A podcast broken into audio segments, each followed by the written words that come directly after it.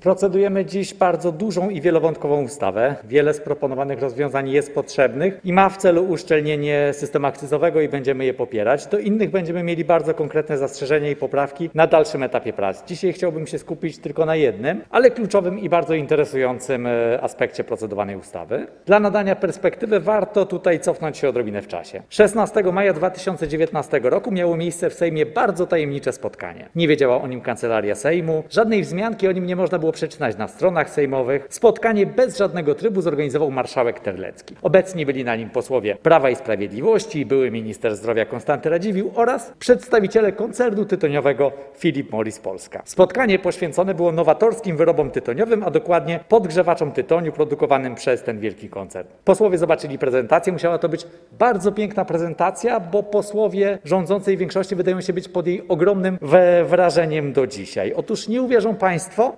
nowatorskie wyroby tytoniowe produkowane przez międzynarodowy koncern Philip Morris oraz jeszcze dwie wielkie ponadnarodowe korporacje jako jedyne zostały nieobjęte akcyzą. W przeciwieństwie do chociażby tak zwanych likwidów, które produkowane są także przez polskie firmy. Procedowana dzisiaj ustawa w obecnym kształcie utrzymuje ten zadziwiający wyjątek na rzecz Filipa Morrisa. Standardy Republiki Bananowej. Po raz kolejny rząd Prawa i Sprawiedliwości faworyzuje wielki międzynarodowy biznes kosztem polskiego społeczeństwa i polskich firm. Tak było, kiedy tchórzyliście e, pod presją amerykańskiej ambasady w sprawie Ubera. Tak było, kiedy wycofywaliście się z podatku cyfrowego. Tak było, kiedy ręka w rękę z Platformą Obywatelską głosowaliście przeciwko maksymalnym marżom dla platformom pośredniczącym sprzedaży jedzenia w środku pandemii. Zamiast pomóc walczącemu o życie polskiemu przemysłowi, polskiej gastronomii, która z trudem wiąże koniec z końcem, woleliście stanąć po stronie interesów wielkich międzynarodowych e, korporacji. Tutaj naprawdę ciężko jest mówić o jakimś przypadku. To jest świadoma polityka służenia wielkiemu międzynarodowemu kapitałowi kosztem polskiego społeczeństwa. Wróćmy jednak do ustawy i uprzedzając tradycyjne głosy oburzenia, że jak to nie służy Polakom, jak służy Polakom, bo korporacja na pewno przerzuci koszty nowego podatku na klientów, to chyba jednak nie do końca tak to działa, bo jakimś niezrozumiałym,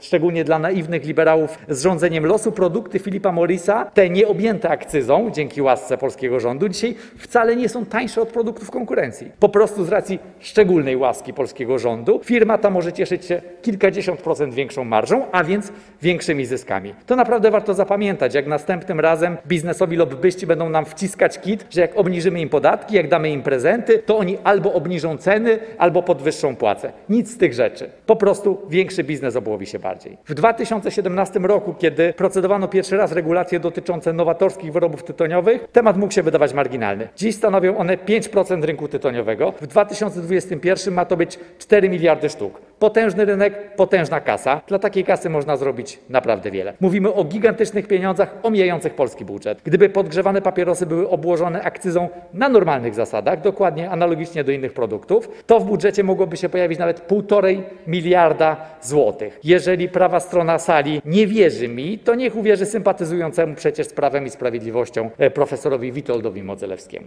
1,5 miliarda złotych to ogromne pieniądze, które można przeznaczyć chociażby na leczenie onkologiczne, na walkę ze smogiem, czy też na leczenie uzależnień, bo, i to jest kolejna rzecz, kolorowe prezentacje i lobbystyczne broszurki wielkich korporacji mogą głosić, że te nowatorskie technologie są jakoś zdrowe i bardzo nam służą, ale to oczywiście jest nieprawda. Te, te no, nowe formy spożywania tytoniu też szkodzą zdrowiu, też uzależniają i jak mówi chociażby Światowa Organizacja Zdrowia, nie pomagają w wychodzeniu z nałogu. Koncernom tytoniowym, gdy opowiadają o tym, o niskiej szkodliwości tych wyrobów, chodzi oczywiście o własne zyski, a nie o nasze zdrowie i to powinno być oczywiste. Lewica nie widzi żadnego powodu, żeby faworyzować wielkie międzynarodowe koncerny kosztem polskich producentów, żeby wyżej stawiać sobie zyski wielkiego biznesu niż zdrowie Polaków. Może dlatego, że nie mamy w zwyczaju spotykać się z przedstawicielami międzynarodowego kapitału na potajemnych zgęstkach, jak marszałek Terlecki i posłowie Prawa i Sprawiedliwości. Złożymy oczywiście poprawki ustanawiające uczciwą stawkę akcyzy na podgrzewacze tytoniu i zachęcam wszystkich do patrzenia rządowi w tej sprawie na ręce.